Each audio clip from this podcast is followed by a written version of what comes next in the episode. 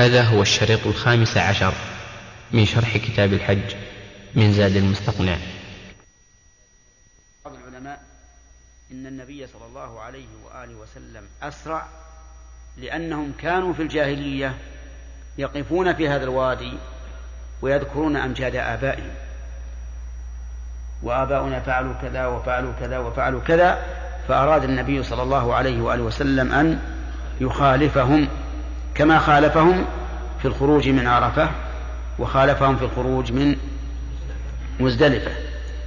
ولعل هذا أقرب التعريف أنه فعل ذلك مخالفة للمشركين الذين يقفون عند في هذا الوادي ليذكروا أمجاد آبائهم.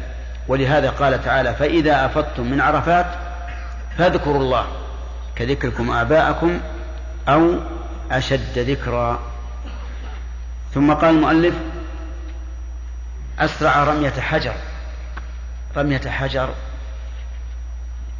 كيف يمكن قياسه لأن الحجر قد يكون كبيرا فإذا رميت به لم يذهب بعيدا. وقد يكون الرامي ضعيفا فإذا رمى بالحجر الصغير لم يذهب بعيدا. لكنهم يقولون مقدار خمسمائة ذراع خمسمائة ذراع. خمسمائة ذراع الذراع أظن ثلثين المتر. نعم. على هذا التقريب. لكن هل هذا يمكن العمل به الآن؟ نعم. الظاهر أنه لا يمكن. لأن الإنسان محبوس. محبوس بأرتال السيارات. التي لا يمكن أن يتقدم ولا أن يتأخر. وربما يحبس في نفس المكان. يعجز, يعجز أن يمشي. ولكن نقول هذا شيء بغير اختيار الإنسان. ينوي الإنسان بقلبه أنه لو تيسر له أن يسرع لأسرع وإذا علم الله من نيته هذا فإنه قد يثيبه على ما خ... ما فاته من الثواب. يقول وأخذ الحصى أخذ الحصى من أين؟ ظاهر كلام المؤلف أنه يأخذه من وادي محسر أو من بعده.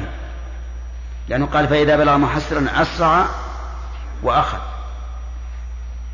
فعلى هذا يأخذه بعد أن يتجاوز محسرا في طريقه والذي يظهر لي من السنة أن الرسول عليه الصلاة والسلام أخذ الحصى من عند. من عند الجمرة. لأنه أمر ابن عباس أن يلقط له الحصى وهو واقف يقول للناس بأمثال هؤلاء فرموا ورمى. وأما أخذه من مزدلفة فليس بمستحب وإنما استحبه بعض المتقدمين لأجل أن يبدأ بالرمي أي رمي جمرة العقبة من حين أن يصل إلى إلى منى. لأن رمي جمرة العقبة هو تحية منى ويفعل قبل كل شيء. حتى أن الرسول عليه الصلاة والسلام رمى وهو على بعيره قبل أن يذهب إلى رحله وينزل رحلة لكنه رمى على بعيره. والناس لا يتيسر لهم أن يقولوا لأحد منهم القط لنا الحصى ويلقط لهم الحصى وهم على إبلهم ثم يرمون. لا يتيسر. فلذلك استحب بعض المتقدمين أن يأخذ الحصى من مزدلفة. وليس هذا بسنة. ولكن عامة الخلق يظنون أنه يجب أن يكون الحصى من مزدلفة وجوبا. حتى أن لو واحد منهم يأخذ عددا كبيرا يأخذ سبعين حصاة. لأن سبعين حصاة تكون لمن؟ تأخر. واحد وعشرين واحد وعشرين واحد وعشرين كم هذه؟ ثلاثة وستين وسبع يوم العيد هذه سبعون. هذه سبعون حصاة. بعض الناس يأخذ زيادة. لماذا؟ يخشى أن تسقط منه واحدة أو تضيع أو يحتاج أحد إخوانه. ف ولذلك سمعت فيما سبق أن كل واحد منهم يستقرض من الآخر. إذا ضاع منه شيء قال لأخيه أقرضني جزاك الله حصاة. جزاك الله خيرا حصاة. ومتى يوفيها؟ يمكن في العام القادم أو فيما بعده. كل هذا لأن العامة إذا رأوا العلماء يأخذون أو يقولون يستحب أن يأخذ من من مزدلفة ظنوا أن هذا واجب. والعامة يحبون الخير. لا شك. وقد تبين بما قررنا أنه ليس من السنة فضلا عن أن يكون واجبا. طيب وقال قال المؤلف أخذ الحصى وهل يغسل الحصى ليطهره؟ قال بعض العلماء إنه يغسله تطهيرا له إن كان قد أصابته نجاسة أو تنظيفا له إن لم تكن أصابته نجاسة. والصحيح أن غسله بدعة لأن النبي صلى الله عليه وسلم لم يغسله. وعدده سبعون هذا كلام المؤلف ما شاء الله. وعدده سبعون يعني سبعون حصاة بين الحمص والبندق. ذكر المؤلف رحمه الله العدد والحجم. العدد سبعون بناء على أنه يتأخر. فإن لم يتأخر فأنزل من السبعين واحدا وعشرين تكن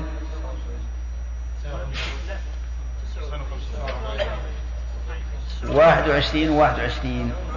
اثنين وأربعين. سبعة تسعة وأربعين. تكون تسعة وأربعين. والصحيح أنه لا يأخذ سبعين ولا تسعة وأربعين.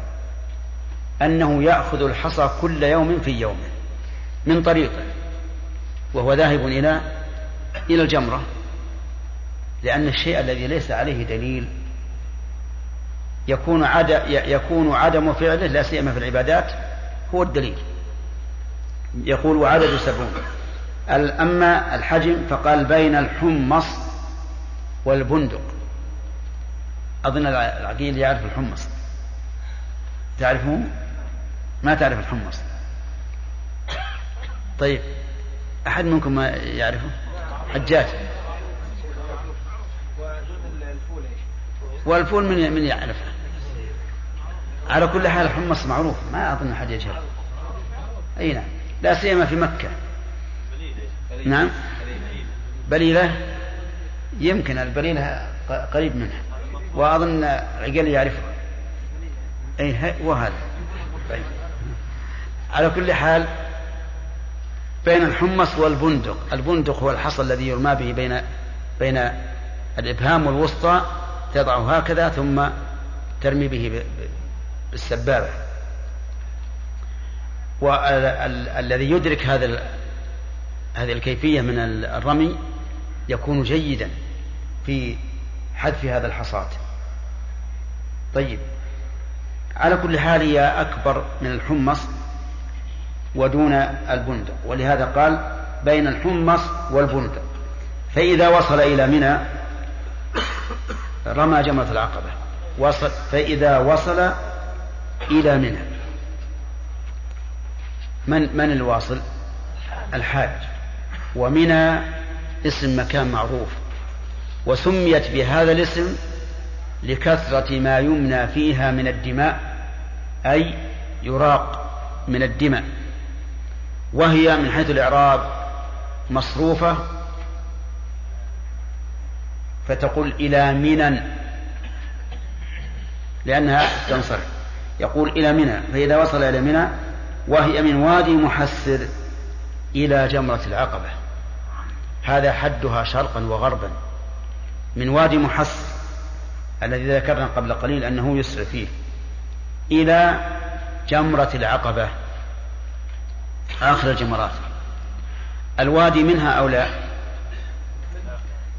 ظاهر كلام ظاهر كلام المؤلف حسب دلالة من أنها منها. أنه منها أنه منها. وليس كذلك. أما جمرة العقبة فليست منها لأنه قال إلى جمرة العقبة.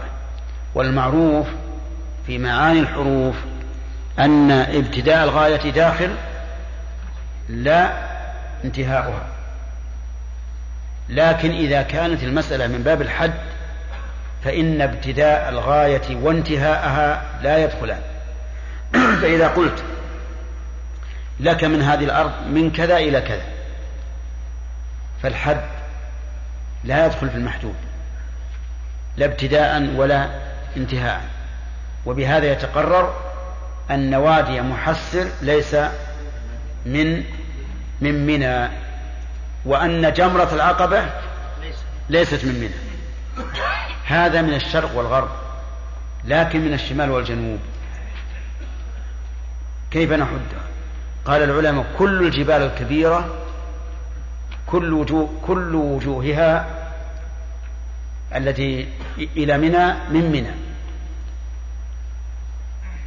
كل, كل سفوح الجبال ووجوهها التي تتجه إلى منى كلها من منى. وبناء على هذا تكون منى واسعة واسعة جدا. وتحمل الحاج. لو أنها نظمت تنظيما تاما مبنيا على العدل لوسعت الناس. لكن يحصل فيها الظلم.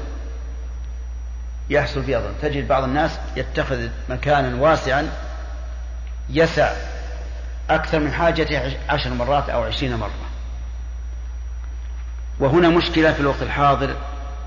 يقول بعض الناس أنا لا أجد أرضا في منى إلا بأجرة. يبذلون إلى عشرين ألف ثلاثين ألف سبعين ألف. فهل يجوز أن يستأجر أرضا في منى الجواب نعم يجوز. والإثم على المؤجر. الذي أخذ المال بغير حق. أما المستأجر ماذا يحسن ماذا يصنع؟ ولهذا قال فقهاء الحنابلة رحمهم الله لا يجوز تأجير بيوت مكة. ولكن إذا لم يجد بيتا إلا بأجرة بذل الأجرة والإثم على صاحب البيت. وهذه المسألة تذكر في البيوع وليس هذا موضع ذكرها لكن ذكرتها استطرادا. أما بيوت منى فلا شك أنه لا يجوز تأجيرها أبدا ولا أرض منى. لأن منى مشعر محدود محصور. فأين يذهب الناس إذا استولى عليها من يقول أنا لا لا أنزل فيها الناس إلا بأجرة؟ أما مكة يمكن الإنسان ينزل بعيدا ولا يهم. لكن منى وعرفة مزدلفة مشاعر كالمساجد. لا يجوز لأحد إطلاقا أن يبني فيها بناء ويؤجره ولا أن يختط أرضا ويؤجرها فإن فعل فالناس معذورون يبذلون الأجرة والإثم على صاحب على الذي أخذه. الإثم على الذي أخذه. يقول فرماها فرماها بسبع حصيات متعاقبات. سبع حصيات. ولماذا اختيرت السبع؟ اقتداء بمن؟ برسول الله صلى الله عليه وآله وسلم لأنه رماها بسبع حصيات. أما لماذا لم تكن خمسا أو ثلاثا أو تسعا أو إحدى عشرة حصاة؟ فهذا ليس لنا الحق في أن نتكلم فيه. كما أنه ليس لنا الحق في أن نقول لماذا كانت الصلوات الخمس سبعة عشرة ركعة؟ لماذا لم تكون الظهر ستا والعصر ستا والعشاء ستا مثلا؟ نقول هذا لا تدركه عقولنا وليس لنا فيه إلا مجرد التعبد. طيب بسبع حسات متعاقبات. معنى متعاقبات يا أحمد؟ إيش؟ وراء بعض. يعني واحدة بعد الأخرى. صحيح. وقول المؤلف رماها. يفهم منه أنه لو وضع الحصى وضعا فإنه لا يجزئه بل لا بد من الرمي حذف. أما لو أخذ الحصاة ووضعها هكذا هذا لا ينفع. وقوله رحمه الله متعاقبات. لو أنه من شدة الزحام رمى السبع جميعا. ما ما لا يجزئه؟ واحدة فقط. تجزئه واحدة. وقول المؤلف بسبع حصيات متعاقبات ظاهره أنها متوالية أو أنه لا فرق بين المتوالية والمتفرقة. فيه احتمال أنها أنه يجوز أن تكون متوالية ويجوز أن تكون متفرقة لكنها عبادة واحدة والأصل في العبادة الواحدة المكونة من عدد أن تكون متوالية يقول رحمه الله يرفع يده اليمنى حتى يرى بياض إبطه ويكبر مع كل حصاة علل الشارح هذا بأنه أعون له على الرمي. هكذا. حتى يبدو بياض إبطه. لأنه أعون له على الرمي. وهذا فيما إذا كان الإنسان بعيدا واضح. لكن إذا كان قريبا ويمكن يقول هكذا هكذا فلا حاجة. المقصود هو الرمي. فالإنسان البعيد يحتاج إلى رفع يده حتى يصل إلى المراد. وقول المؤلف فرماها بسبع حصيات رماها قد يفهم من هذا الكلام أنه لا بد أن يرمي الشاخص العمود القائم ولكنه غير مراد. المقصود أن تقع في الحوض سواء ضربت العمود أم لم تضربه. ويكبر مع كل حصاة كلما رمى قال الله أكبر. مع كل حصاة وبهذا نعرف الحكمة من الرمي من رمي الجمرات.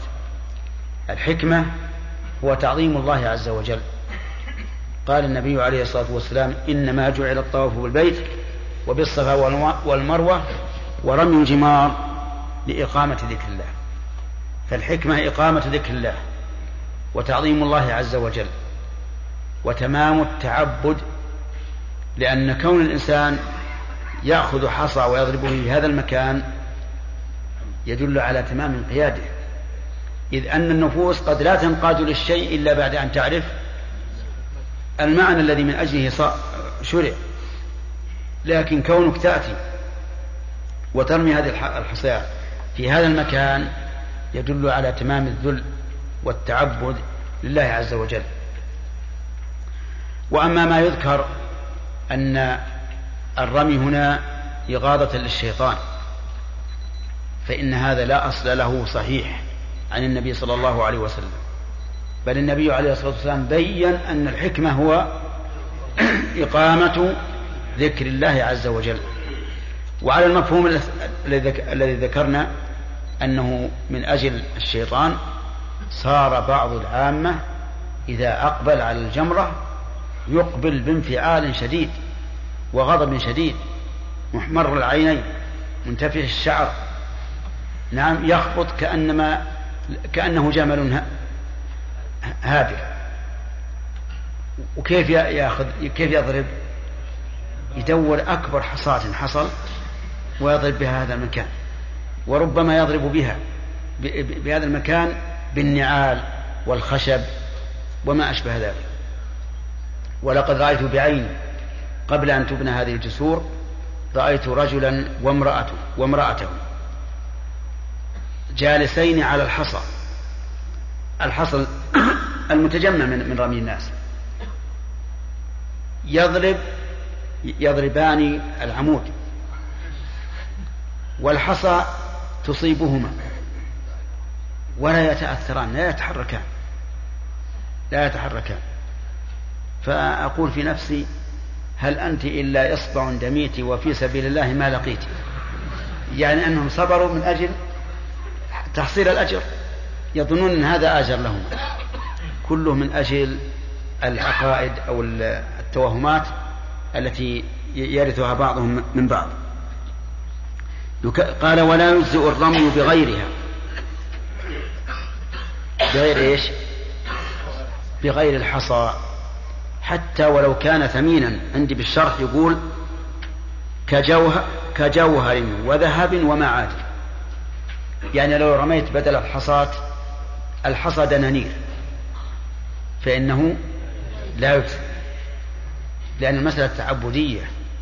لو رميت بجوهر لو رميت بالماس لو رميت بالحديد لو رميت بالخشب بأي شيء فإنه لا يجزي إلا بالحجر. طيب لو رميت بمدر الطين المجبن اليابس فإنه لا يجزي وهنا نسأل هل يجوز أن يرمي بما بكسر بكسر الإسمنت؟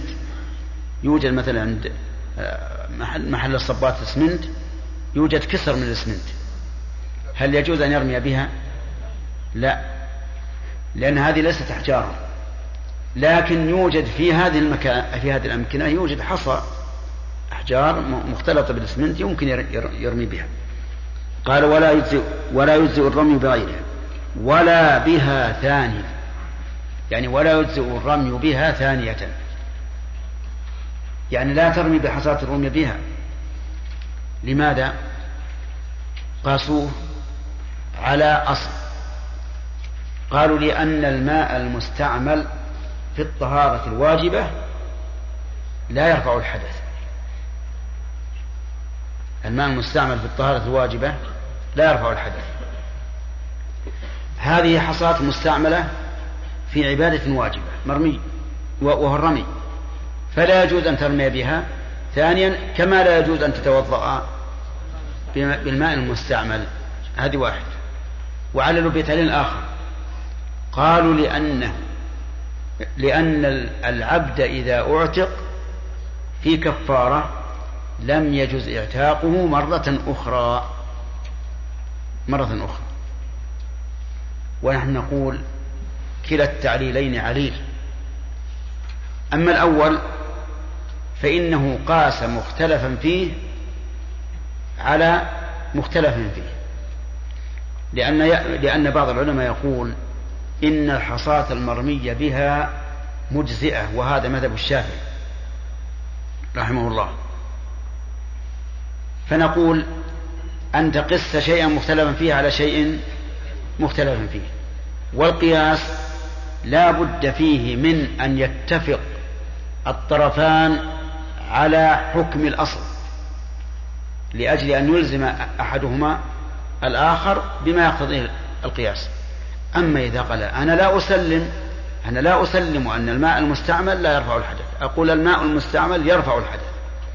وحينئذ إذا بطل الأصل المقيس عليه بطل المقيس. هذه واحدة. وأما الرقبة فنقول إن العبد إذا أعتق صار صار حرا.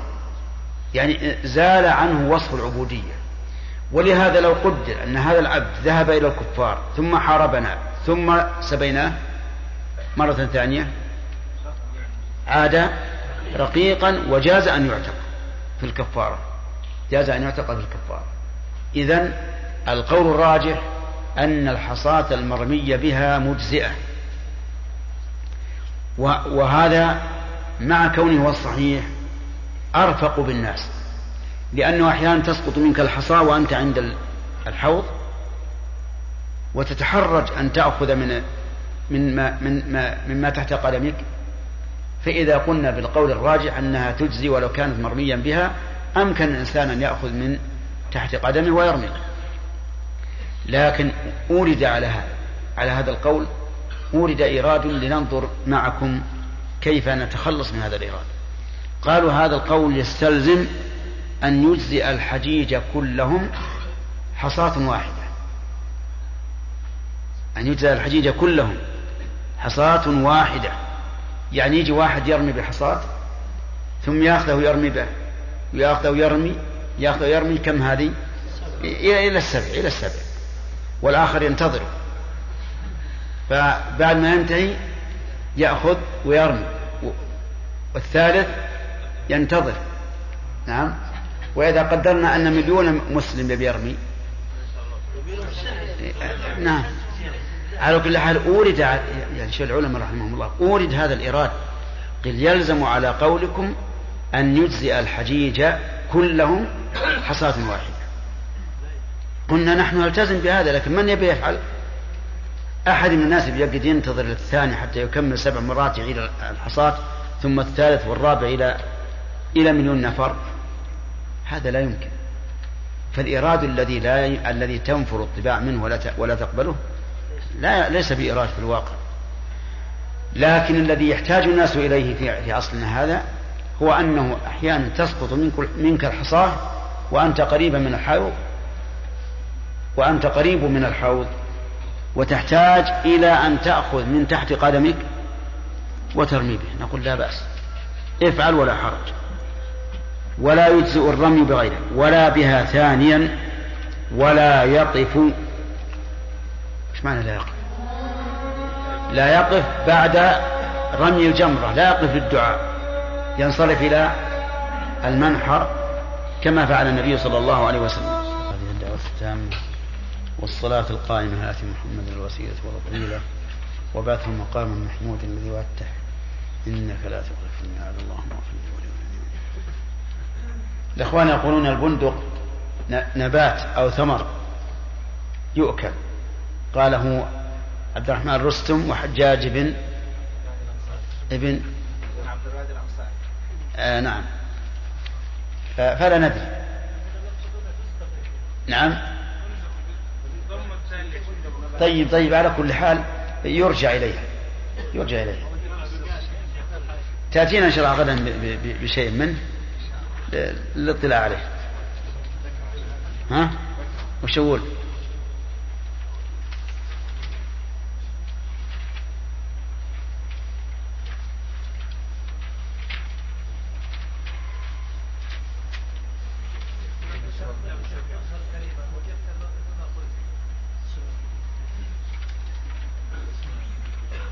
أقول نخليها بعدين ما دام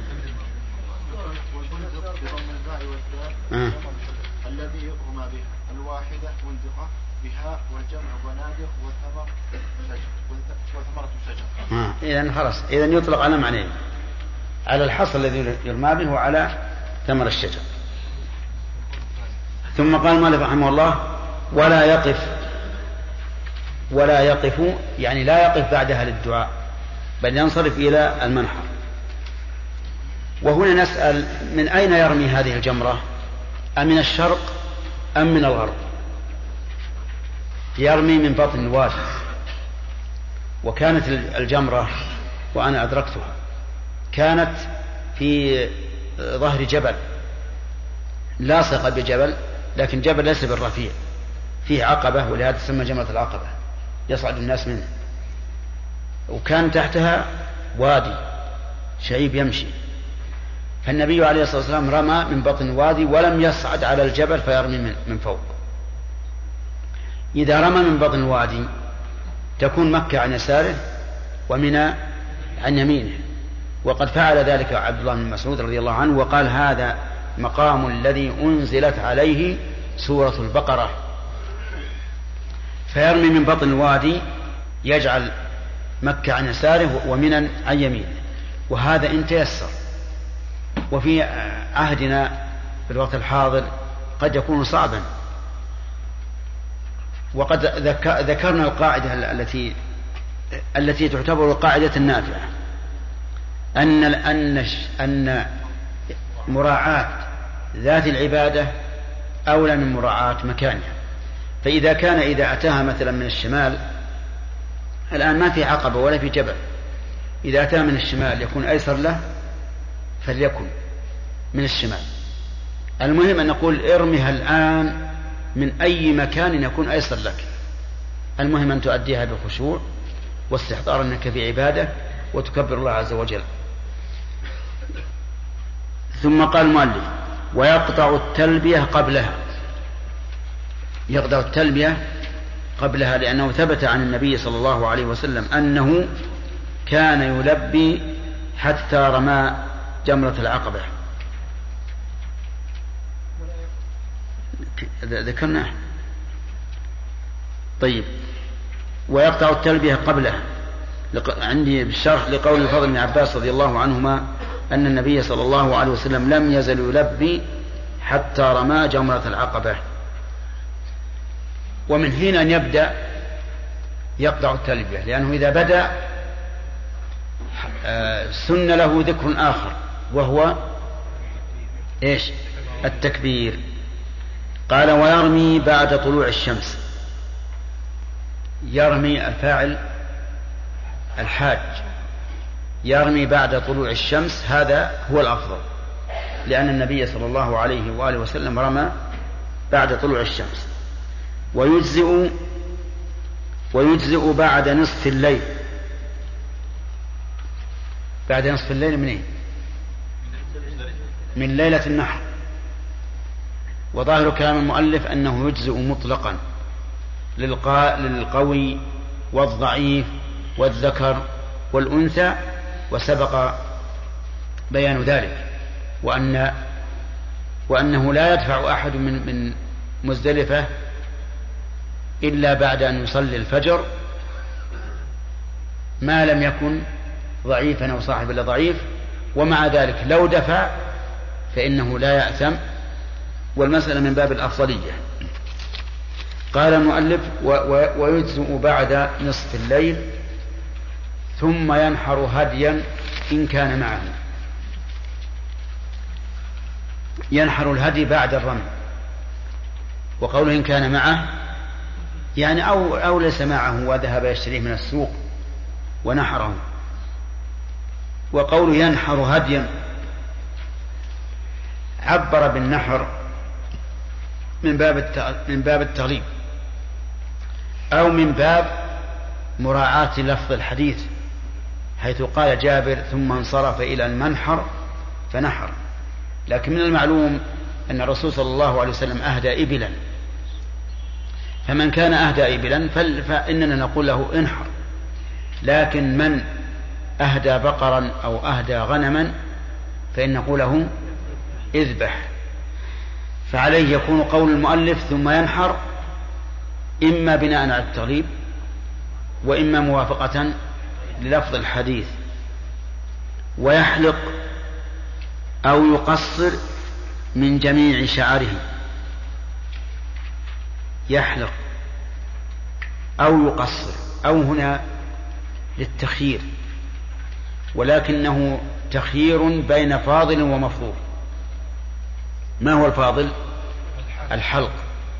لأن النبي صلى الله عليه وآله وسلم دعا للمحلقين ثلاثا وللمقصرين مرة ولأن الله قدمه في الذكر فقال لتدخلن المسجد الحرام إن شاء الله. آمنين محلقين رؤوسكم ومقصرين. لا تخافون. ويحلق أو يقصر من جميع شعره. من الذي يحلق؟ الحاج. لكن هل يحلق هو بيده؟ أو يكلف من يحلقه؟ الثاني وإن شاء الأول. إن قدر على أن يحلق نفسه بنفسه فلا حرج.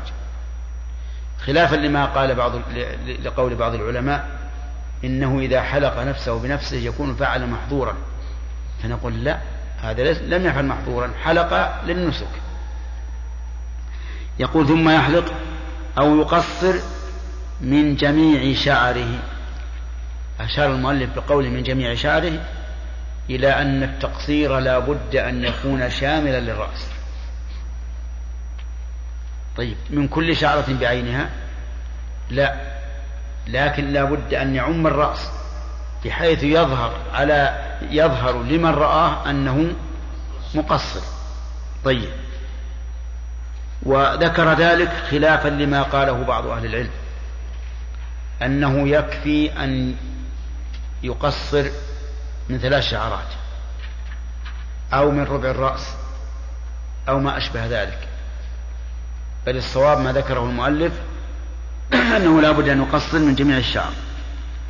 وتقصر منه المرأة أنملة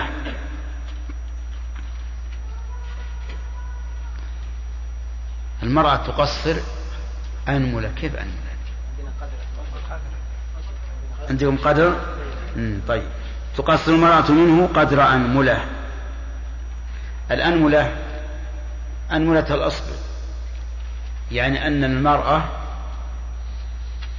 تمسك بضفائر رأسها إن كان لها ضفائر أو بأطرافه إن لم يكن لها ضفائر وتقص بقدر أنملة. وقدر أنملة بالتقدير الأخير هذا كم من اثنان سنتي؟ تقريبا. طيب. ثم قد حل له كل شيء إلا النساء. ثم يعني بعد الحلق حل قد حل له كل شيء إلا النساء. الآن فعل الحاج ثلاثة أشياء. ما هي؟ الرمي والنحر والحلق أو التقصير. إذا فعل هذه حل من كل شيء إلا النساء. كل شيء يعني المحظورات. التسعة يحل منها إلا النساء. إلا النساء وطئا ومباشرة. وعقدا. هذا هو المشهور من المذهب. وقيل وطئا ومباشرة لا عقدا وخطبة وأنه يجوز العقد ويتجوز الخطبة بعد التحلل الأول. فعلى المذهب لو أن أحد من الناس رمى ونحر وحلق ثم تزوج قبل أن يطوف بالبيت فالنكاح محرم وغير صحيح. وهذا ربما يقع في غير هذه الصورة التي ذكرت. ربما يطوف الإنسان طواف الإفاضة على وجه لا يجزئه ثم يرجع إلى بلده ويتزوج في هذه المدة قبل أن يصحح خطأه في الطواف. فعلى المذهب يكون النكاح غير صحيح وتلزمه إعادة العقد. وعلى القول الثاني وهو اختيار شيخ الإسلام ابن تيمية رحمه الله وهو الصحيح يجوز عقد النكاح بعد التحلل الأول ويصح. وقوله رحمه الله ثم قد حل له كل شيء ظاهره أنه لا يحل بمجرد الرمي. وهذه المسألة فيها خلاف بين أهل العلم. فمنهم من قال إنه يحل بالرمي أي رمي جمرة العقبة سواء حلق أم لم يحلق.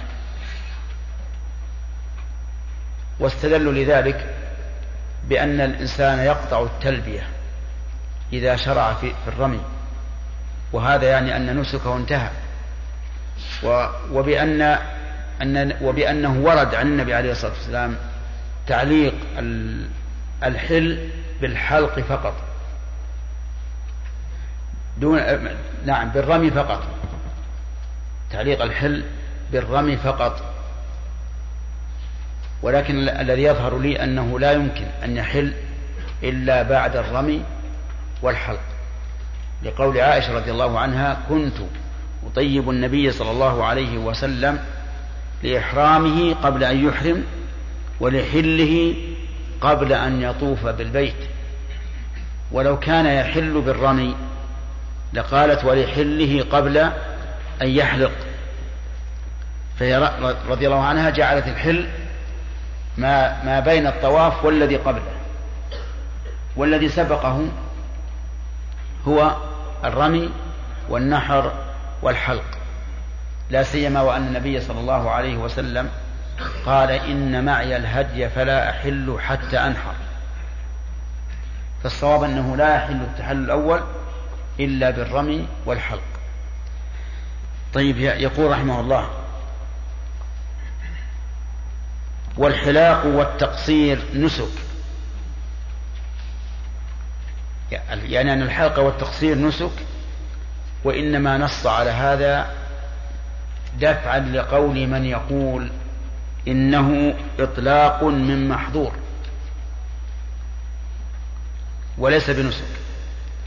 وبناء على على هذا ينوب مناب الحلق فعل أي فعل أي محظور فعله. لأن المقصود أن يعلم أنه تحلل من إحرامه. كما قال بعضهم في التسليم في الصلاة إن المراد به بيان أو إن المراد فعل ما ينافي الصلاة. وأنه إذا فعل ما ينافي الصلاة فإنه يغني عن التسليم. ويذكر أن بعض الناس قال لبعض الملوك الذين يعتنقون مذهبا من المذاهب قال أتريد أن أصلي لك صلاة على هذا المذهب؟ قال نعم. قال أقل مجزي قال نعم. فكبر تكبيرة الإحرام وقال الله أعظم. ثم قال مدهامتان. ثم ركع بلا تكبير ولا تسبيح ولا طمأنينة. ثم رفع كذلك. وفي النهاية عند التسليم أحدث. أحدث بريح. ليش؟ لأنه فعل ما ينافي الصلاة. فقال إيش؟ هذا هو هذا هو مقتضى هذا المذهب الذي أنت عليه. فعلى كل حال يرى بعض العلماء أن أن الحلق أو التقصير إطلاق من محظور وليس بنسك. ولكنه قول ضعيف والصواب أنه نسك وأنه عبادة وقربة لله والدليل على هذا أن النبي صلى الله عليه وآله وسلم دعا للمحلقين وللمقصرين ولا يدعو إلا لشيء مطلوب شرعا ولا يلزم بتأخيره دم ولا بتقديمه على الرمي والنحر يعني لو أخر الحلق أو التقصير عن أيام عن أيام التشريق أو عن شهر ذي الحجة أو في أخره إلى رفيع أو إلى رمضان أو إلى السنة الثانية فليس عليه شيء لكن يبقى عليه إيش؟ التحلل الثاني لأنه لا يمكن يتحلل لا يمكن أن يتحلل التحلل الثاني حتى حتى يحلق أو يقصر.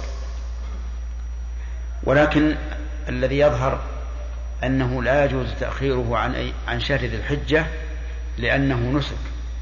وقد قال الله تعالى الحج أشهر معلومات. انتهى الوقت؟ طيب. كيف؟ لا ما يخاف نعم بالنسبة الآن هذا العصر يكون الحجاج يعني يكونوا منتشرين في في عرفات. نعم. ولا يعني يسعهم مكان واحد بالنسبة للصلاة للصلاة الظهر والعصر. نعم. والآن يعني الخطبة والصلاة الصلاة في المشعر يعني بتكون في, في الإعلام يعني من مذياع ومرئي. فهل يعني يجوز لهم أن يصلون خلف المذياع وهم منتشرين في عرفات خلف الإمام. ماذا تقولون؟ يقول خلاصة خلاصة سؤاله هل يجوز لنا ونحن في عرفة أن نصلي بصلاة الإمام إمام مسجد نمرة؟ عرنة إمام. نقول لا يجوز لأنه لا بد من أن يكون أن يكون مكان الجماعة واحدا ثم أننا لا نأمن أن ينقطع الصوت. وعلى رأي بعض العلماء يقول لا بد من اتصال الصفوف إذا كان خارج المكان. ولو فتحنا هذا الباب لفتحنا على أنفسنا شيئا لا يمكننا دفعه.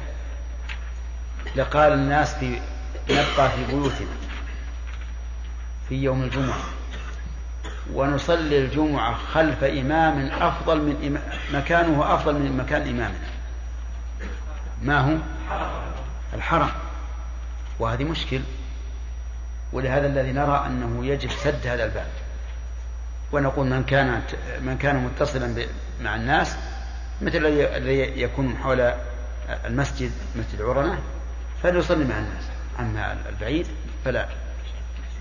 خالد. أحسن الله إليكم. ذكرتم بأن الإنسان إذا قدم بأن رمي جمرة العقبة هي تحية منى إيش؟ ذكرتم بأن رمي جمرة جمرة العقبة هي تحية منى. نعم. وذكرتم أيضا بأن جمرة العقبة ليست من منى. فكيف يكون الرمي تحية لها وهي ليست من منى؟ أي تحية لها زمنا لا مكانا بمعنى أنه يبدأ به قبل كل شيء. لكن تحية الشيء ليست مكانا. هذه إذا وصلت منها وإن كان هذا ليس منها نعم. بلى لكن تحية المسجد للمسجد. أما هذه فتحية منى يعني تحية النزول في منى. والإنسان إذا رمى سوف ينزل بمنى. والعلماء نصوا على هذا على أن جمرة العقبة ليست من منى. نعم. ناصر؟ شيخ قلنا انه يجوز حتى لغير الضعف الدفع من مزدلفه بعد الليل بعد مضي ثلثي الليل نعم لكن شيخ النبي صلى الله عليه وسلم انما رخص شيخ والرخصه لا تكون الا من اي نعم. لكن في وقتنا الحاضر الآن في مشقة على كل أحد. حتى الإنسان القوي يلحقه مشقة عظيمة. فبناء على هذا نقول لا بأس.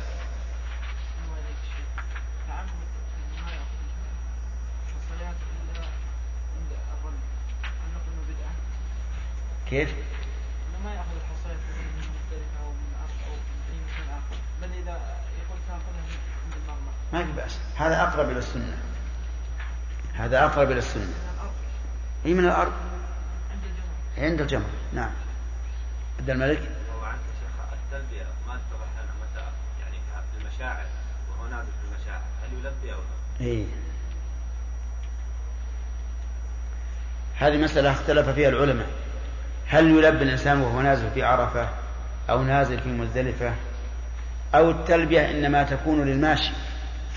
الذي يقبل على من من, دعاه.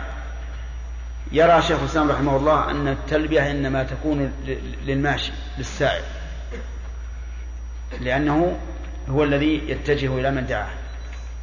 ولكن ظاهر السنة خلاف ذلك. لأن قوله لم يزل يلبي حتى رمى جمرة العقبة ظاهرها أنه في كل هذا الوقت نعم الأبطح من الحرم من فضلك اقلب الشريط. قصدي من الحرم أي نعم. مزدلفة من الحرم منى من الحرم العلماء هل يلبي الإنسان وهو نازل في عرفة أو نازل في مزدلفة؟ أو التلبية إنما تكون للماشي الذي يقبل على من من, من دعاه؟ يرى شيخ الإسلام رحمه الله أن التلبية إنما تكون للماشي للسائر لأنه هو الذي يتجه إلى من دعاه. ولكن ظاهر السنة خلاف ذلك. لأن قوله لم يزل يلبي حتى رمى جمرة العقبة ظاهرها أنه في كل هذا الوقت. نعم. الأبطح من الحرم قصي من الحرم إي نعم. مزدلفة من الحرم منى من الحرم نعم. شيخ قلنا أن المكي إذا أراد العمرة خرج إلى الحلم واستدلنا لذلك بحديث, عائشة. نعم. وقلنا عائشة وهو من غير من غير من غير أهل مكة. نعم. فكيف يتم الاستدلال؟ واضح. أليس الآفاقي إذا أحرم بالحج يحرم من مكة؟ طيب. ولكن المكي والافاقي اذا احرموا بالحج من مكة دخلوا تحت العموم.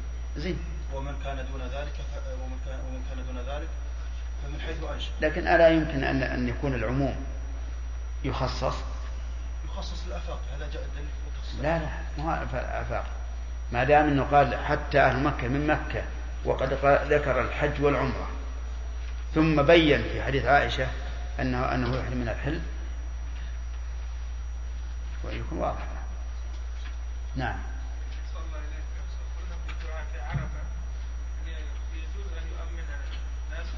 خلف ي- يعني يجتمع ناس مثلا على على واحد يدعو لهم. إي نعم. لكن بعض الناس بعض الأخوة قال نخشى أن يفتح علينا هذا باب التكبير الجماعي والتلبيه الجماعية. نعم. لا هو أحيانا يكون أن يكون الجماعة ما معهم إنسان يعرف يدعو والوقت طويل. و و و و و والوقت طويل. يقول جزاك الله الخير ادعو ادعو لنا. حديث العباس أن عمر قال ادعو لنا. لكنه حديث العباس لا يتم الاستدلال به لأنه في في مكان في مكان دعاء دعاء استسقاء. على كل حال المسألة تحتاج إلى إلى إلى, إلى تأمل. تحتاج إلى تأمل. وأنا أحب أن أن نسد الأبواب أمام أهل البدع. أنا أحب أن أسد. ونقول للإنسان إذا كان معك عوائل لا يعرفون الدعاء فنقول لهم ادعوا باللي تعرفون. لو تقول اللهم اغفر لي اللهم اغفر لي تكره إلى الغروب كفى شراف بارك الله فيكم لو حدث أن الإنسان إلى الجمرات ونقط من تحت الجمرات. نعم. هل هذا جائز. لم تذكرون يا شيخ إيش؟ بارك لم تذكرون هذا الأمر. أنه لو لو نقط من الجمرات نفسها أخذ من الحوض. من من الحوض يجزي. يجزي. ما فيها شيء. بدون حاجة. بدون حاجة. لكن الغالب أن اللي يصل إلى المكان يكون في حاجة. لأنه لو نزل رأسه يبي بيأخذ يمكن يدعس. نعم. في عرفة والمشاعر الذين يخرجون من أهل مكة للتجارة هل يصلون قصر قصر وجمع في عرفة؟ إيه. سمعتم السؤال؟ يقول إذا خرج أهل مكة مع الحجاج للتجارة هل يقصرون ويجمعون أو لا؟ هذا ينبني على الخلاف. هل الجمع والقصر في منى ومزدلفة وعرفة نسك أو من أجل السفر. يرى بعض العلماء أنه نسك. وهذا ما وهذا رأي من يرى أنه لا يجوز الجمع إلا في عرفة ومزدلفة. ويرى آخرون أنه آه، للسفر. وأن السفر ما تعارف الناس عليه. وفي عهد الرسول عليه الصلاة والسلام كان الناس ل- للخروج إلى إلى منى وعرفة ومزدلفة ويتأهبون أهبة السفر. وهذا القول اختيار شيخ الإسلام ابن تيمية رحمه الله. والدليل على هذا أنه لو كان من أجل نسك لقلنا لمن أحرم في مكة وتأخر عن الخروج وهو من أهل مكة. فإنه يجوز له القصد. فالصحيح أنه من أجل السفر. الصحيح أنه من أجل السفر. وبناء على ذلك نقول هؤلاء الذين يخرجون مع- الحجاج للتجارة لهم القصر بقي أن أن نقول منى في الوقت الحاضر هل تعتبر خارج مكة أو تعتبر من مكة؟ من مكة. نعم. الظاهر أنها من مكة. ولهذا نحن نقول نحن نقول لل- للحجاج من أهل مكة الأحوط لكم أن لا تقصروا في منى. كما هو المشهور من مذهب الحنابلة أيضا. مذهب الحنابلة الآن والشافعية ومن يشترط المسافة يرى أنه لا يجوز لأهل مكة أن يقصروا ولا أن يجمعوا في عرفة ولا مزدلفة ولا منى لأن كل هذه لا تبلغ المسافة. لكن إذا قلنا إن الصحيح أن السفر ما تأهب الناس له فإن نقول في الوقت الحاضر إن منى آه، لأهل مكة حي من أحيائها في الواقع. نبينا محمد وعلى آله وأصحابه ومن تبعهم بإحسان إلى يوم الدين. سبق لنا أن الإنسان إذا دفع من عرفة بات في مزدلفة وله أن ينصرف منها على ما مشى عليه الفقهاء رحمهم الله بعد منتصف الليل مطلقا أي سواء كان قويا أم ضعيفا. وسبق لنا أن القول الراجح في هذا أنه لا يدفع إلا إذا مضى أكثر الليل وأن أسماء بنت أبي بكر رضي الله عنهما كانت ترقب غروب القمر فإذا غرب دفعت وأن هذا هو الصحيح وهو الذي يحصل به المكث في مزدلفة أكثر الليل. وسبق لنا أيضا أنه إذا وصل إلى من- إلى منى فإنه يبدأ برمي جمرة العقبة. و ثم إيش؟ ثم نحر الهدي ثم الحلقة والتقصير ثم الطواف ثم السعي. وترتب هكذا على وجه الندب. فإن قدم بعضها على بعض فالصحيح أن ذلك جائز سواء كان لعذر كالجهل والنسيان أو لغير عذر. لأن النبي صلى الله عليه وآله وسلم كان يسأل في ذلك اليوم عن التقديم والتأخير فيقول افعل ولا حرج. وتأمل قوله افعل ولا حرج. ولم يقل لا حرج فقط بل قال افعل وافعل فعل أمر للمستقبل. يعني أنك إذا فعلت في المستقبل فلا حرج. وقد أبدى بعض العلماء المحققين كابن دقيق العيد وغيره أن هذا إنما يكون لمن كان معذورا لأن في بعض ألفاظ الحديث لم أشعر فظننت أن كذا قبل كذا. فقال افعل ولا حرج. ولكن لما كان النبي عليه الصلاة والسلام قال افعل ولا حرج وهي للمستقبل ولم يقتصر على قوله لا حرج علم أنه لا فرق بين الناس والجاهل وبين الذاكر والعالم. وهذا كما أنه ظاهر, ظاهر الأدلة فهو, فهو الموافق للدين الإسلامي في مثل هذه الأزمان. لأن ذلك أيسر على الناس. بقي السعي قبل الطواف.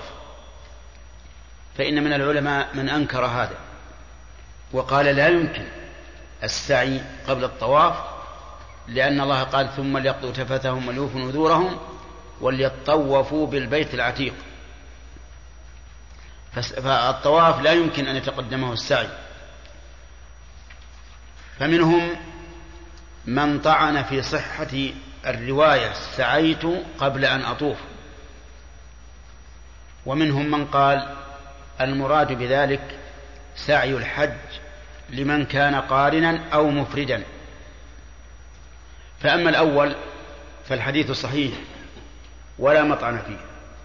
وأما الثاني فإن هذا الرجل لم يسأل عن سعي سبق منذ أيام. إنما سأل عن سعي حصل في ذلك اليوم.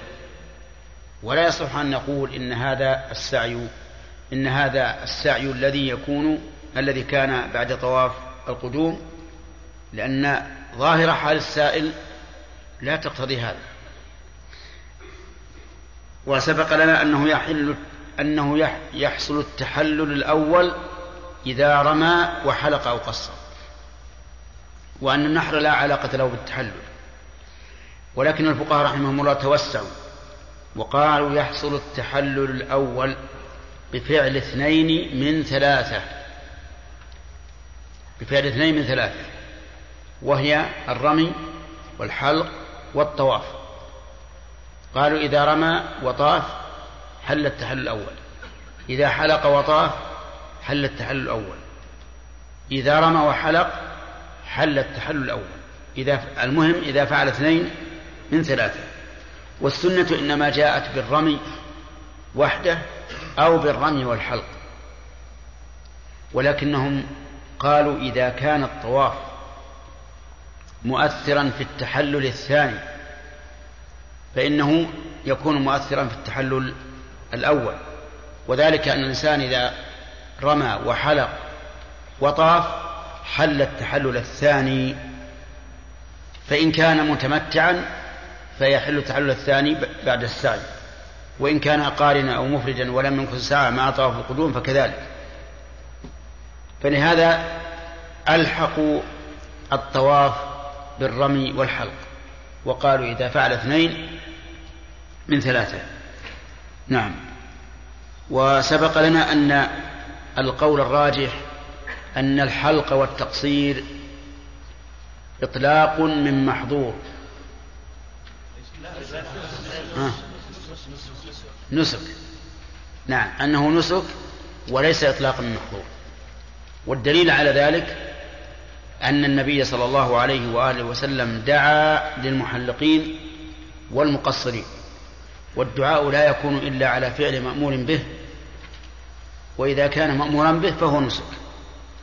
وسبق لنا أن المذهب يرون أنه لا بأس من تأخيره ولو سنوات لكنه يبقى على التحلل الأول فقط مو على إحرامه يبقى على التحلل الأول فقط فلا يحل له النساء.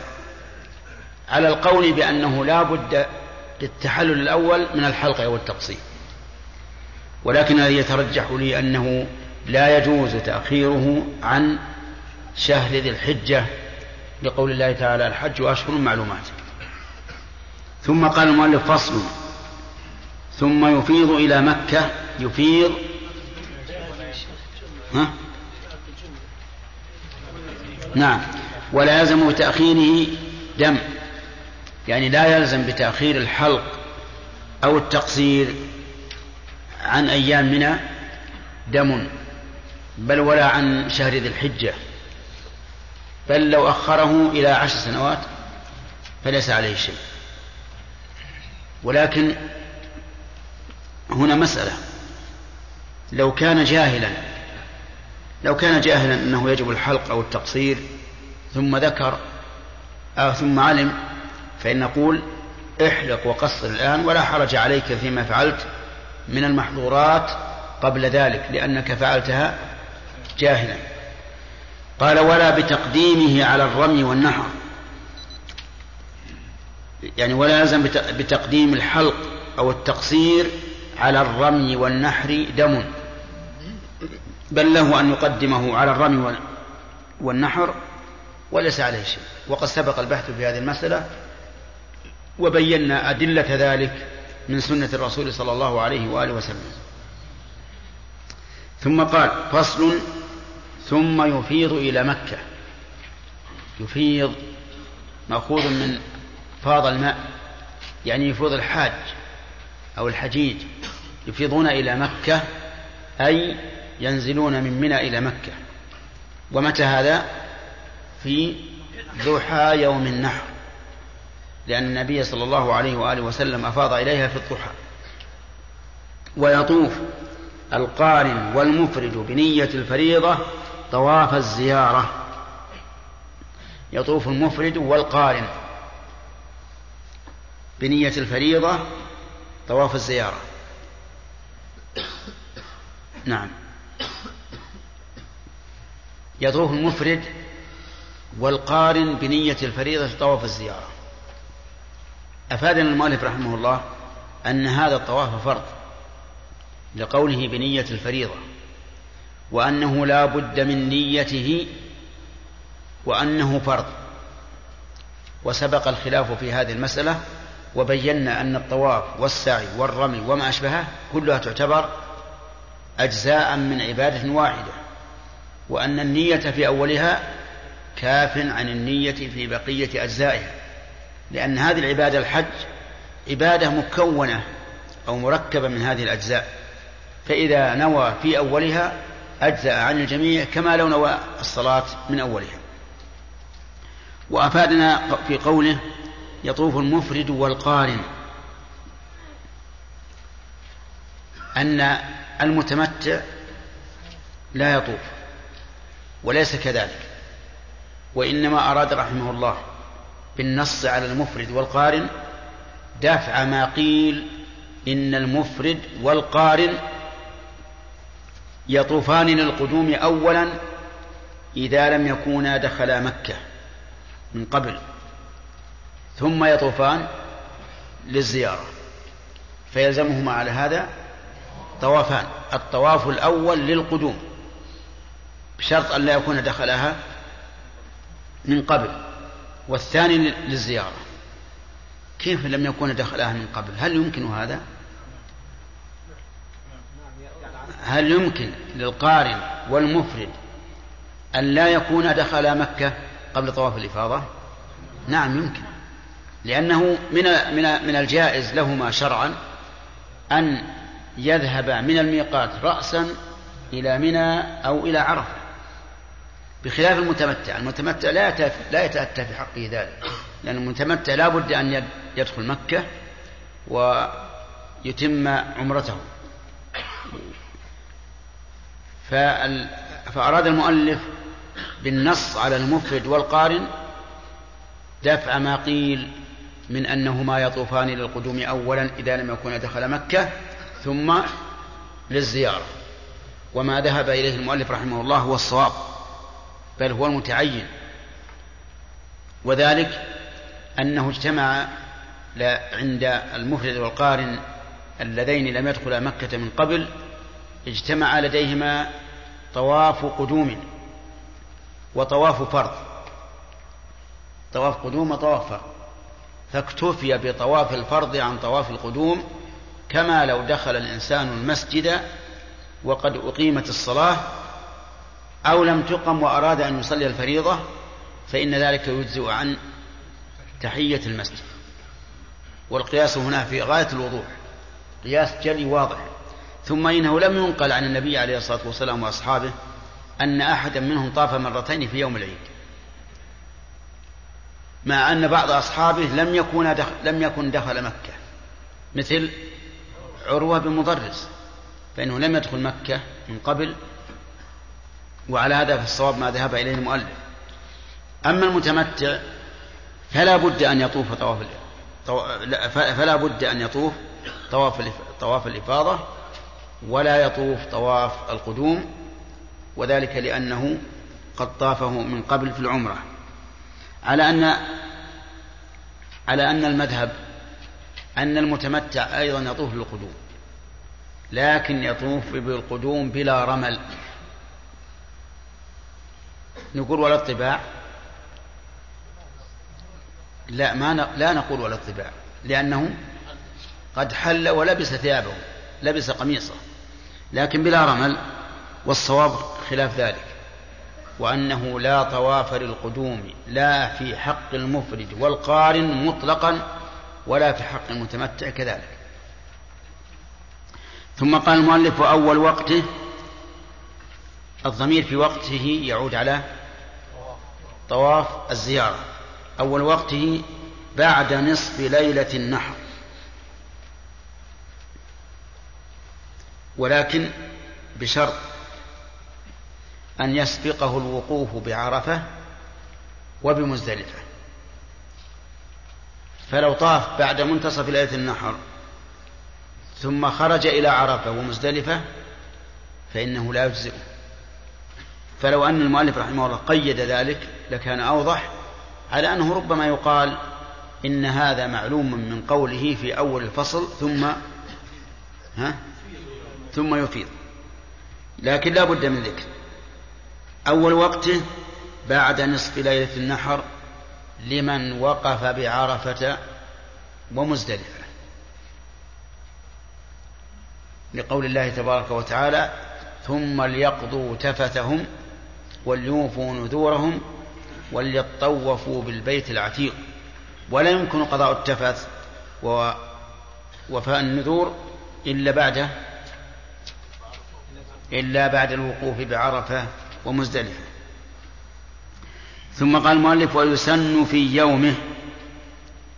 يسن أي يسن طواف الزيارة في يومه أي في يوم العيد.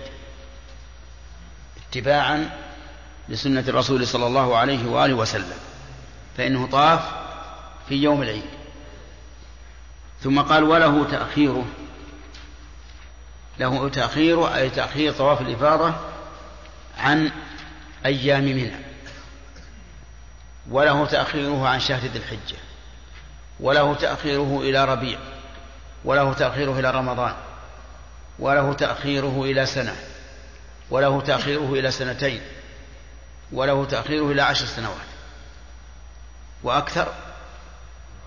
نعم. وأكثر. لأن المؤلف قال وله تأخيره ولم يقيده بزمن. لم يقل له تأخيره إلى كذا. ولكن يبقى عليه إيش؟ التحلل الثاني.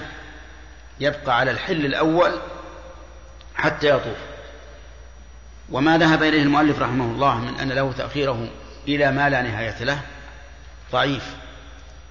والصواب أنه لا يجوز تأخيره عن شهر ذي الحجة.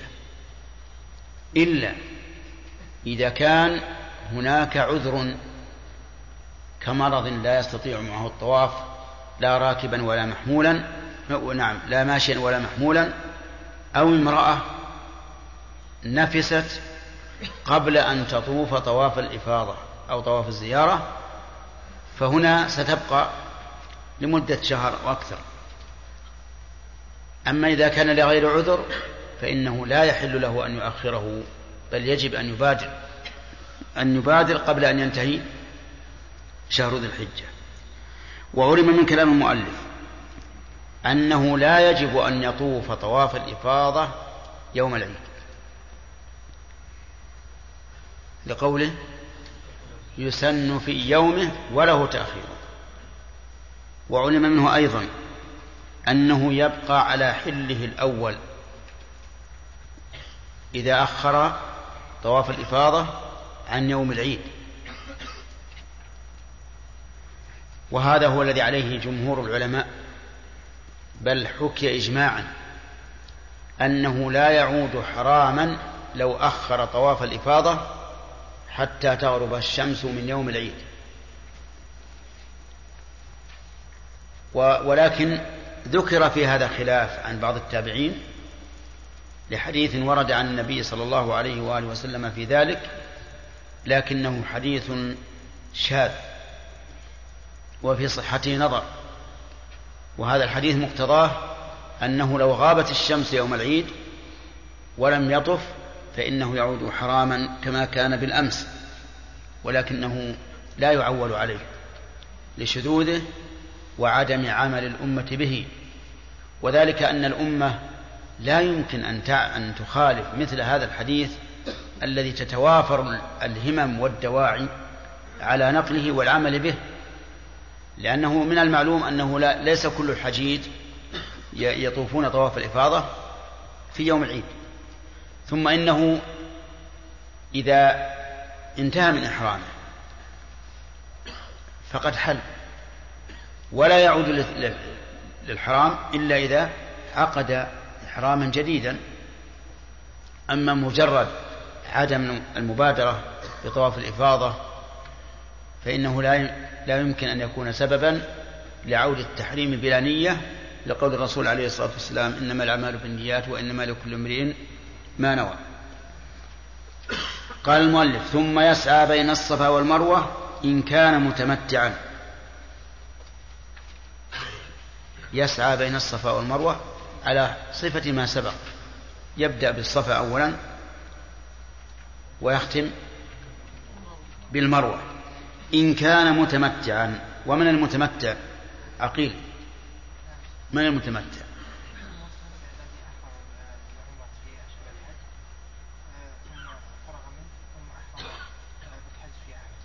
يقول هو الذي أحرم بالعمرة في أشهر الحج ثم حل منها وأحرم بالحج من عام فيلزمه أن يسعى مطلقا. وذلك لأنه يلزمه طوافان وسعيان. طواف للعمرة طواف للحج طواف سعي للعمرة سعي للحج. أما المفرد والقارن قال المؤلف و نعم.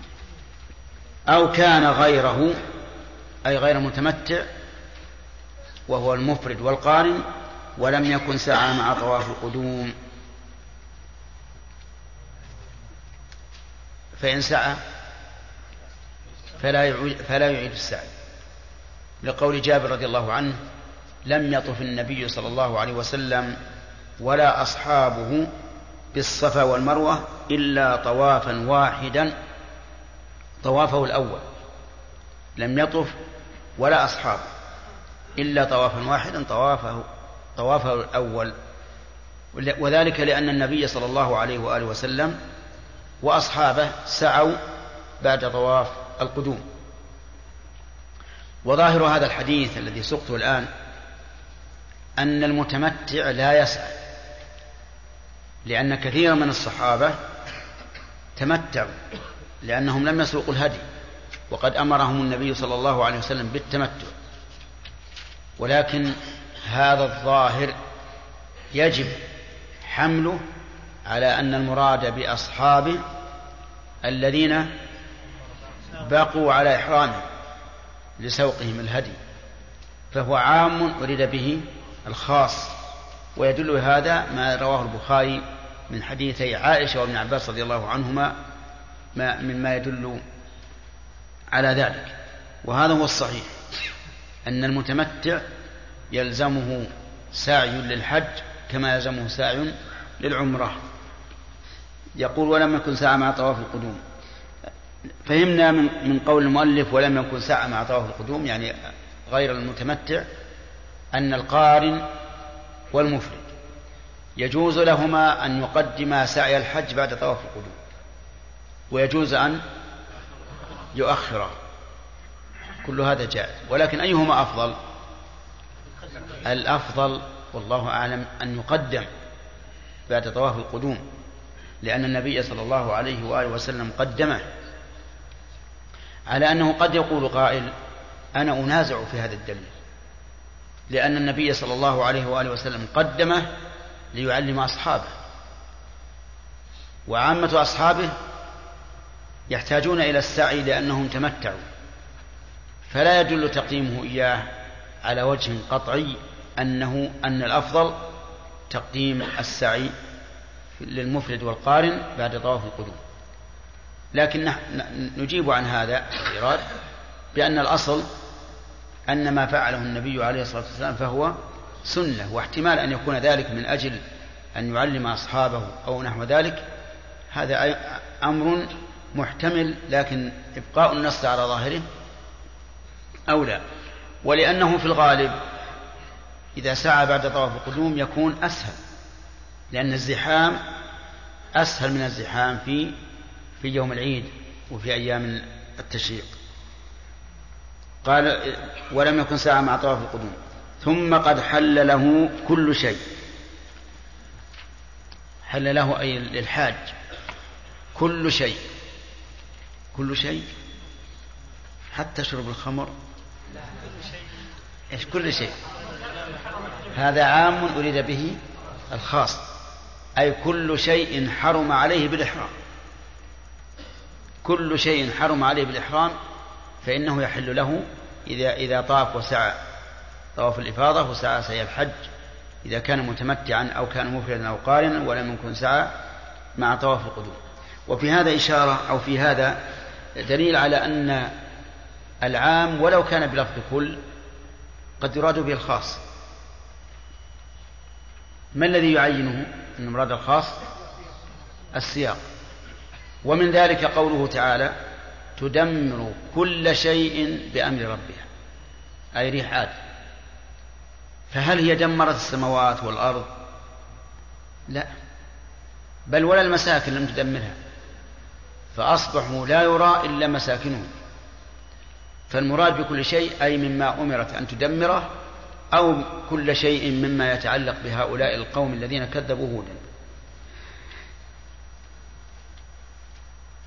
ثم قد حل له كل شيء حتى النساء. حتى النساء. إذا يمكن للرجل إذا كان أهله معه أن يستمتع بأهله في آخر يوم العيد. أو لا يمكن؟ يمكن. يمكن. يطو يرمي ويحلق أو يقصر ويطوف ويسعى. هل يمكن أن يستمتع بأهله ليلة العيد؟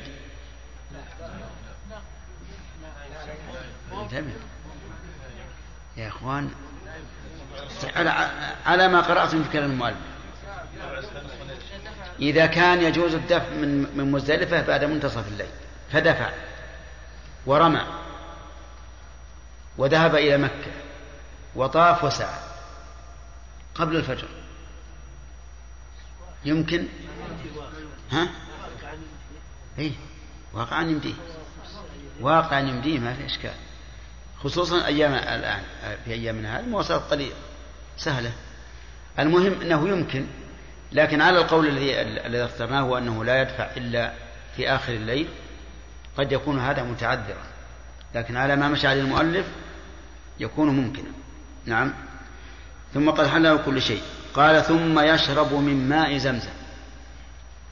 لأن النبي صلى الله عليه وآله وسلم حينما طاف طواف الإفاضة شرب من ماء زمزم. وقوله لما أحب أي ينويه لما أحب. إذا كان مريضا وشرب من أجل أن يذهب مرضه فليفعل.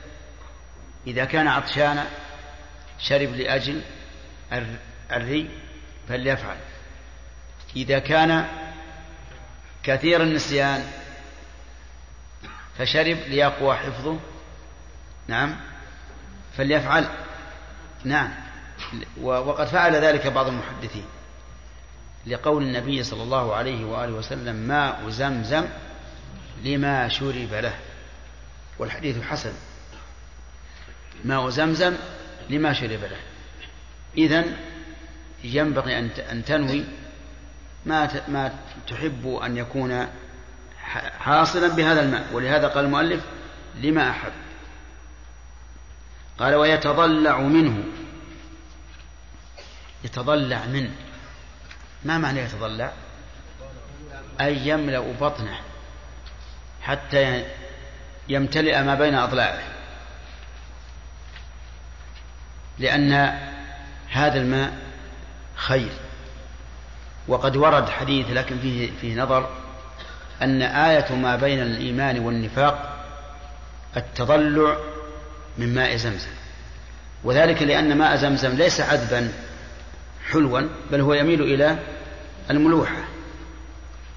و والإنسان المؤمن لا يشرب من هذا الماء الذي يميل إلى الملوحة إلا إيمانا به إلا إيمانا بما فيه من البركة فيكون التضلع منه دليلا على الإيمان. فإن قال قائل آه، هل يفعل شيئا آخر كالرش على البدن وعلى الثوب أو أن يغسل به أثوابا يجعلها لكفنه كما كان الناس يفعلون ذلك. نحن شاهدناهم قبل أن يكثر الحجيج يشترون طيب كثيرة بيضاء ويغسلونها بماء زمزم وينشرونها على الساحة. ويقول هذه نجعلها أكفانا لنا. نقول لا نحن لا نتجاوز لا نتجاوز في التبرك ما ورد عن النبي صلى الله عليه وسلم. وهذا لم يرد عن النبي صلى الله عليه وآله وسلم فلا, نتجا فلا, نت فلا نتجاوز إليه. بل نقول ما ثبت عن الرسول عليه الصلاة والسلام من هذه الأمور أخذنا به وما لا وما لا فلا. ثم قال ويدعو بما ورد. متى؟ يدعو إذا شرب من ماء زمزم بما ورد. وعندنا يقول الشارح فيقول بسم الله اللهم اجعله لنا علما نافعا ورزقا واسعا وريا وشبعا وشفاء من كل داء واغسل به قلبي واملأه من خشيتك.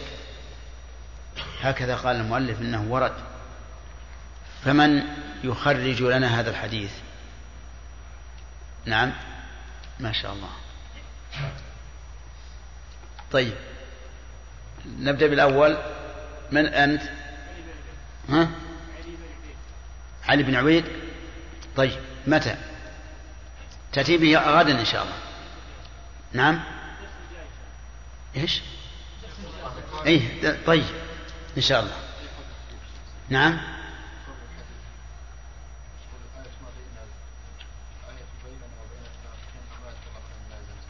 نعم. ما هي عندك؟ إيه. أي. نعم. هذا هذا هذا ذكرنا أشرنا إلى أنه ضعيف وأن وجهه لو صح أن الماء ليس بعذب ولا يتروى به إلا من آمن بفائدته. لكن في أيضا يرش على بدنه وثوبه ويستقبل القبلة ويتنفس ثلاثا. هذا أيضا يحتاج إلى إثبات. عبد الله بطرفي تقوم بذلك؟ نعم. ثم قال المؤلف ف ثم يرجع فيبيت بمنى ثلاثة ليال. يرجع متى؟ ثم يرجع من مكة. بعد أن يطوف ويسعى يرجع فيبيت بمنى ثلاث ليال.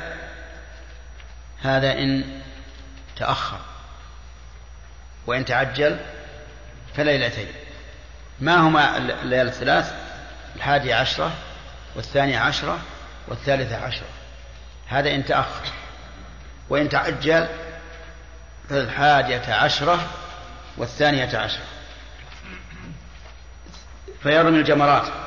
فيرمي الجمرة الأولى. متى؟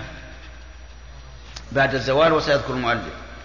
الجمرة الأولى وتلي مسجد الخيف بسبع حصيات متعاقبات ويجعلها عن يساره ويتأخر قليلا ثم الوسطى ويدعو طويلا ثم الوسطى مثلها ثم جمرة العقبة. صفة الرمي على المذهب يقول رحمه الله يرمي الجمرة الأولى التي تلي مسجد الخير وتسمى الجمرة الصغرى. يقول ويجعلها عن يساره. حال الرمي. يستقبل القبلة وتكون الجمرة عن يساره. فمثلا الجمرة هنا والقبلة هنا يستقبل القبلة ويرمي هكذا. نعم. ما يرمي تلقاء وجهه؟ يرمي هكذا. نعم. نحن نتكلم على ما يدل عليه كلام المؤلف ثم نعود إن شاء الله ننظر. قال ويتأخر قليلا. يتأخر بمعنى يبعد. إلى أي مدى؟ إلى موضع لا يناله فيه الحصى ولا يتأذى بالزحام. ويدعو طويلا. يستقبل القبلة ويدعو دعاء طويلا. وقد ورد عن النبي عليه الصلاة والسلام أنه بقدر سورة البقرة. وعلى هذا فيطيل الدعاء. مستقبل القبلة رافعا يديه. ثم الوسطى مثلها لكن يجعلها عن يمينه. على كلام الأصحاب رحمهم الله. الوسطى يرمي بسبع عصيات متعاقبات ويجعلها عن يمينه. هكذا الجمرة هنا والقبلة هنا يجعلها عن يمينه. كيف يرمي؟ كذا. نعم. وهذا فيه صعوبة. والذي يمكن بسهولة إذا كان الرجل يعمل بيديه جميعا. يعمل بيديه جميعا. نعم؟ لأن بعض الناس تكون قوة يده اليسرى كقوة يده اليمنى. فهذا إن جعل الجمر عن يساره رمى باليمنى وإن جعل عن يمينه رمى باليسرى. نعم. ثم ثم جمرة العقبة ويجعلها عن يمينه ويستبطن الوادي ولا يقف عنده. نعم. جمرة العقبة يرميها بسبع حسات متعاقبات. ويستقبل القبلة ويرمي من بطن الوادي ويجعلها عن يمينه. كيف كيف يفعل؟ كالوسطى. يجعلها يمينه والقبلة أمامه ويرمي هكذا. ولكن الصحيح خلاف ما قال المؤلف. الصحيح أنه يرمي مستقبل القبلة في الأولى والوسطى والجمرة بين يديه.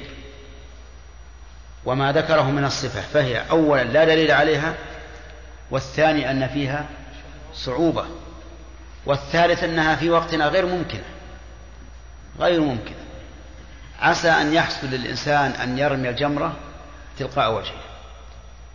فالصواب أنه يرمي الجمرة ولو كان في سعة تلقاء وجهه مستقبل القبلة الأولى والوسطى. أما الثانية فيرميها مستقبل الجمرة وتكون الكعبة عن يساره ومن عن يمينه. لأن عبد الله بن مسعود رضي الله عنه رماها كذلك وقال هذا مقام الذي أنزلت عليه سورة البقرة يعني رسول الله صلى الله عليه وآله وسلم. وحينئذ يستثنى من استقبال القبلة في رمي الجمرات جمرة العقبة. يجعل الكعبة عن يساره ومنا عن يمينه ويستقبل الجمرة. وإنما كان الأمر كذلك لأنه في عهد الرسول عليه الصلاة والسلام لا يمكن أن تستقبل القبلة وترمي جمرة العقبة بحيث تكون بين يديك. لماذا؟ لأجل الجبل. الجبل لأن هي ملصقة بالجبل. فلا يمكن. وفي هذا دليل واضح على أن المقصود هو استقبال إيش؟ الجمرة. سواء استقبلت القبلة أم لم تستقبل. لكن في الجمرة الأولى والوسطى يمكن أن تجمع بين استقبال القبلة واستقبال الجمرة. أما في العقبة فلا يمكن أن تجمع بين استقبال القبلة واستقبال الجمرة ولذلك فضل إيه، أو اعتبر استقبال الجمرة. قال ولا يقف عندها لا يقف عند جمرة العقبة وإنما يقف بعد الأولى وبعد الوسطى ولا يقف بعد العقبة. لماذا؟ قال العلماء لأن الدعاء التابع للعبادة يكون في جوف العبادة. ولا يكون بعدها. انتبه. يكون في جوف العبادة ولا يكون بعدها. وهذا على قاعدة شيخ الإسلام ابن تيمية واضح. ولهذا يرى أن الإنسان إذا أراد أن يدعو في الصلاة فليدعو قبل أن يسلم. لا بعد أن يسلم. لا في الفريضة ولا في النافلة. وقد سبق لنا بيان هذا. وبه نعرف أيضا أن الدعاء على الصفا والمروة يكون في أول الأشواط لا في آخرها. فيكون آخر شوط على المروة ليس فيه دعاء. لأنه انتهى انتهى السعي.